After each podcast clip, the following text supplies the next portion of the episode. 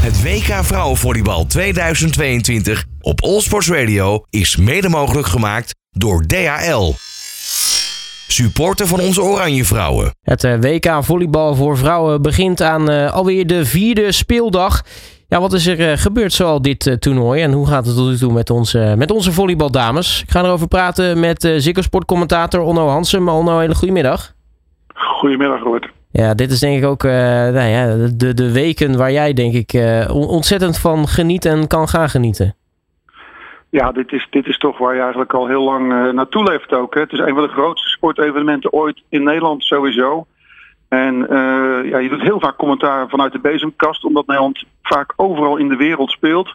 Um, maar dan is Nederland ook vaak niet de belangrijkste ploeg die speelt. Dus dan staan ze heel vaak ook uh, vier uur voordat het thuisland speelt in een hele volle zaal met heel weinig publiek. Dat hebben ze eerder dit jaar bijvoorbeeld in, in Brazilië en in Ankara meegemaakt in de Volleyball Nations League. Maar nu in eigen huis, in eigen land, met dat, met dat waanzinnig enthousiaste publiek tot nu toe. Ja, dat is, dat is echt iets waar heel veel mensen ook heel erg naar uit hebben gekeken.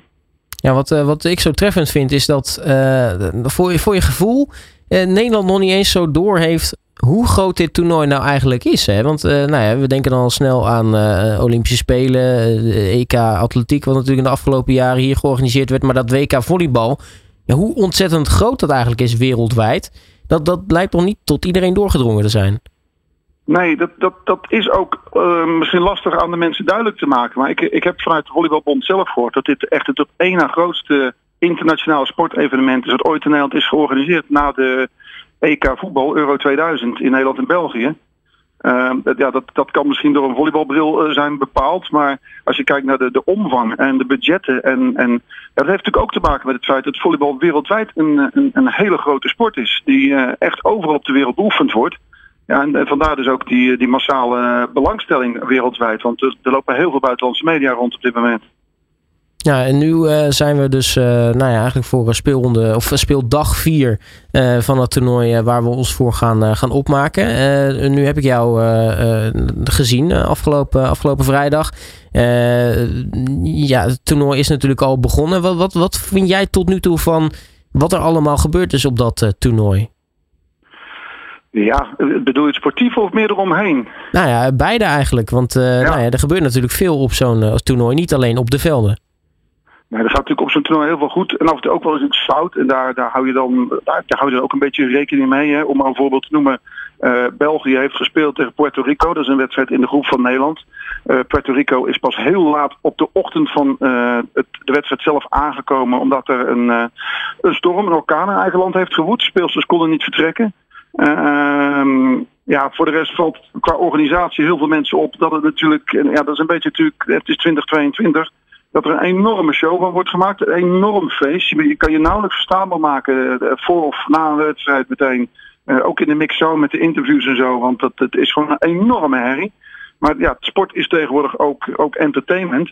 En uh, wat dat betreft, TIG Sport, de organisator van dit uh, WK samen met de Nevoba, Nevobo, die verdienen misschien wel een groot compliment. Want um, laten we eerlijk zijn, die twee wedstrijden die Nederland nu gespeeld heeft tegen Kenia en Cameroen, dat was van tevoren wel bekend hoe dat zou aflopen. Dat is natuurlijk het voordeel ook van het zelf mogen organiseren, makkelijk beginnen. Ja, dan is het des te fijner om er toch een feest van te maken en het publiek met een heel goed gevoel naar huis te laten gaan. Ja, wat ik wel weer grappig vind is dat alle wedstrijden tot nu toe in de pool in 3-0 geëindigd zijn. in de, ja, in de pool van Nederland. Ja, de, de verschillen zijn ook wel, wel vrij duidelijk. Uh, maar ik uh, schat zo in dat dat later toch wel uh, gaat veranderen ook hoor. En vandaag bijvoorbeeld speelt Italië tegen Puerto Rico. Dat, is al, dat vind ik al aardige graadmeter worden voor het, het mogelijke vervolg van het toernooi. Want Italië is natuurlijk een, een, een grote topfavoriet. Ja, en, en Nederland zelf gaat natuurlijk ook binnenkort spelen tegen Puerto Rico. En daar, uh, daar verwacht ik ook wel wat van. Dus, dus, maar dan heb je het weer. Uh, Nederland kan dus zelf de, de indeling van het toernooi bepalen. En uh, ja, die, die zorgt ervoor dat ook de opbouw vrij, vrij, vrij makkelijk wordt voor Nederland. Maar we moeten niet denken dat Nederland zomaar even op het gemakje wereldkampioen gaat worden. Want het gaat echt steeds lastiger worden natuurlijk.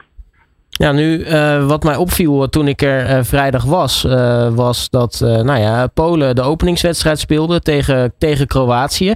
En nu zou je verwachten, het toernooi wordt in Nederland en in Polen georganiseerd, dat zeg maar Polen toch hun wedstrijden in het eigen land zouden spelen. Maar die speelden gewoon een openingswedstrijd in, in het Gelderdoom. Ja, daar waren de Polen zelf ook niet zo blij mee hoor.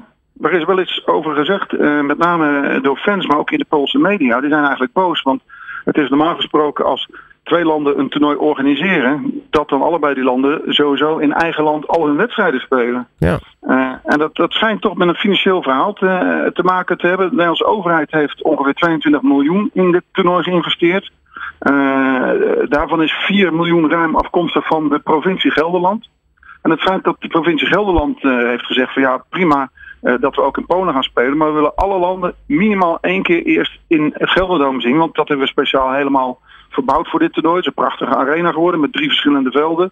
Dus ja, vandaar dat Polen, uh, en dat hebben heel veel mensen ineens doorgehad. Maar twee uur voordat Nederland de openingswedstrijd speelde tegen Kenia, stond Polen in diezelfde hal op een ander veld tegen Kroatië te spelen. Ja, er waren niet al te veel toeschouwers bij. En ja, die zijn er niet blij mee. Want die moeten nu dus met al die andere uh, ploegen uit Pool B verhuizen. En die gaan de rest van het toernooi, van de voorronde in ieder geval, van de eerste ronde, in Gdansk spelen. Is natuurlijk niet optimaal ook om tijdens een toernooi nog zo te moeten reizen.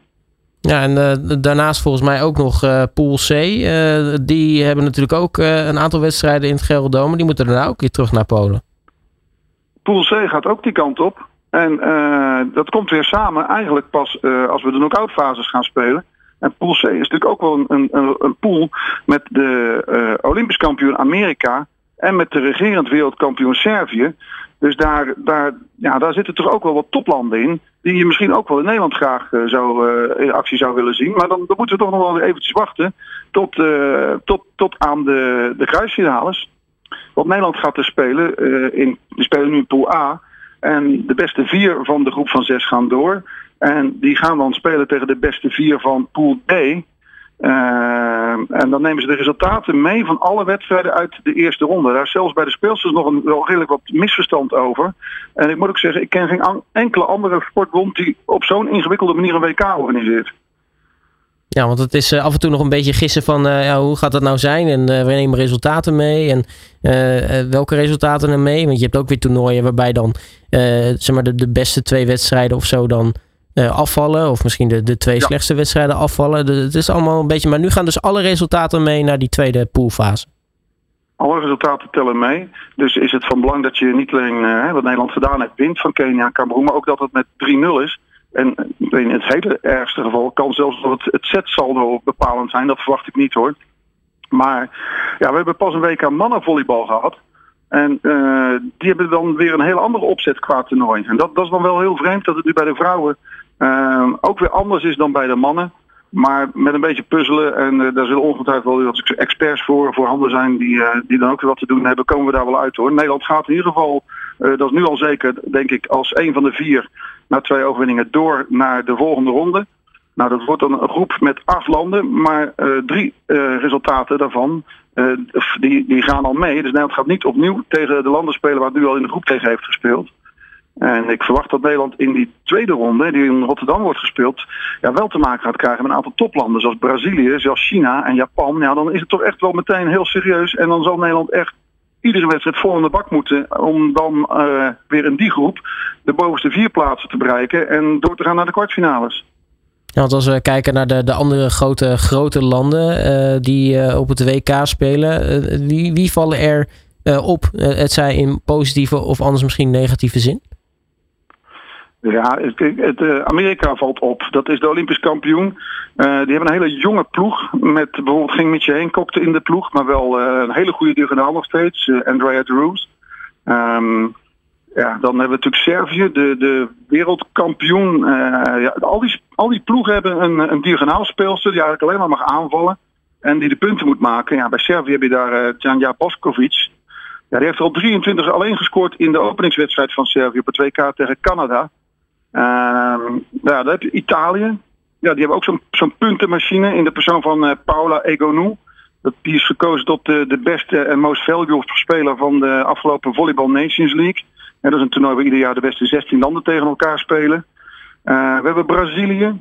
Met die hebben een paar geweldige middenspeelsters, waaronder Anna Carol. Die is in het dagelijks leven de partner van Anna Buis. Uh, ja, en die hebben ook weer zo'n zo'n zo'n puntenkanon in Gabi. Uh, ja, en over tegenvallers gesproken. Ik, ik, ja, als je ook favorieten hebt, dan heb ik het persoonlijk toch wel over Amerika, Servië, Italië en Brazilië. En Turkije was wat mij betreft ook een van de favorieten. Dat zijn ze nog steeds trouwens hoor. Maar die hebben wel een, een slippertje gemaakt in de openingswedstrijd van dit toernooi. Want daarin hebben ze verloren. Dat was toch wel verrassend. Met 3-2 van Thailand. En ja, Turkije is altijd een interessante tegenstander. Al is het maar omdat de bondscoach van Turkije, Giovanni Guidetti, de oud-bondscoach is geweest van de Nederlandse vrouwen. Die daarmee onder zijn leiding zelfs vierde werden op de Spelen in Rio. Ja, dus uh, eigenlijk is, uh, gaat het bij, bij alle favorieten uh, voorspoedig, behalve misschien bij, bij Turkije. Ja, ja, precies. En vlak China niet uit, hè, want Nederland krijgt dus in de tweede set vooral met Aziatische tegenstanders te maken. Dat is toch een heel ander type spel dan waar ze nu in de, in de groep mee te maken hebben. Dus dat, dat zal echt lastig worden. China en ook Japan. Japan is ook zo'n land waar Nederland niet veel van gewonnen heeft de laatste jaren. En uh, ja, daarom denk ik ook dat Nederland uh, voorzichtig is met de inschattingen. Eigenlijk zijn de, de speelsters van de gouden generatie, die zijn net gestopt of net iets te oud. Bijvoorbeeld een, een Robin de Kruijf, die, die, ik van de week nog bij jullie hoorde. Die zou nu absoluut niet meer staan nog bij het Nederlands team. Maar ja, die heeft besloten om te stoppen. Maar die is nog altijd internationaal op topniveau in Italië bezig, bij, bij haar club. Yvonne Belien, Lonneke Snoetjes, Marit Grothuus. Ja, dat zijn speelsters die Nederland toch allemaal zal missen op dit toernooi. Met alle respect voor de speelsters die er nu staan. En uh, ja, de verwachting is ook door Nederland zelf uitgesproken. Ja, laten we maar proberen om die kwartfinale te halen.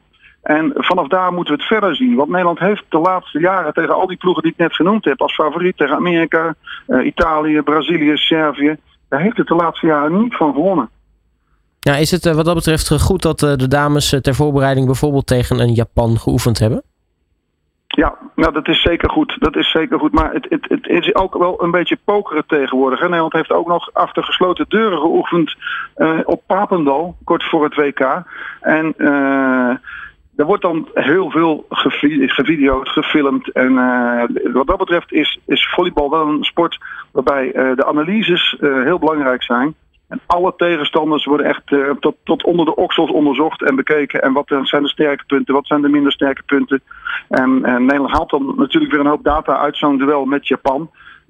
Maar ik heb, ik heb niet het. Dat weten, weten allebei die ploegen ook natuurlijk van elkaar weer. Dus dan gaan ze weer niet bijvoorbeeld met de sterkste opstelling spelen. Of aantal, aantal aanvalsvarianten waarop geoefend is. Die, die laten ze dan niet zien in dat soort onderlinge oefenwedstrijden. Zo, uh, zo gek is het tegenwoordig ook wel. Uh, of zo ver gaat het ook in het, in het internationale topvolleybal.